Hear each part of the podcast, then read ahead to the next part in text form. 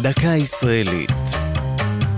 השבוע, בנימין זאב הרצל, לציון 70 שנה להעלאת עצמותיו לארץ.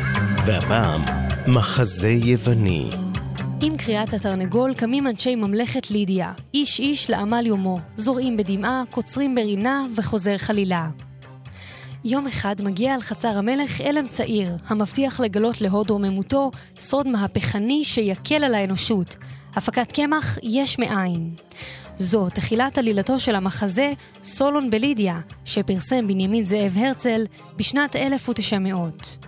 סולון, משורר ומחוקק אתונאי, מייעץ למלך לידיה לדחות את ההמצאה המפתה, ובמקום זאת, להרוג את בעל הבשורה.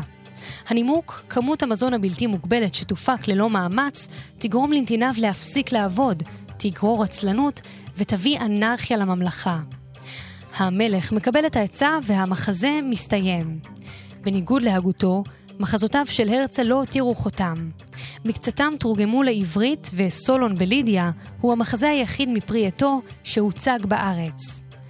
תיאטרון האוהל העלה את ההצגה ב-1949. בסוף הביקורת על ההצגה, שכתב אז מבקר התיאטרון עזרא זוסמן, הוא מסביר שאומנם היא דרמטית פחות מסיפור חייו של הרצל, אך נשקפות בה יפה, כלשונו, סגולות המחבר, יושר מחשבתו, אצילות רוחו, עצבותו ואמונתו. זו הייתה דקה ישראלית על בנימין זאב הרצל ומחזה יווני, כתב עידו ליפסקי, ייעוץ הפרופסור דניאלה דואק, הגישה נועם גולדברג.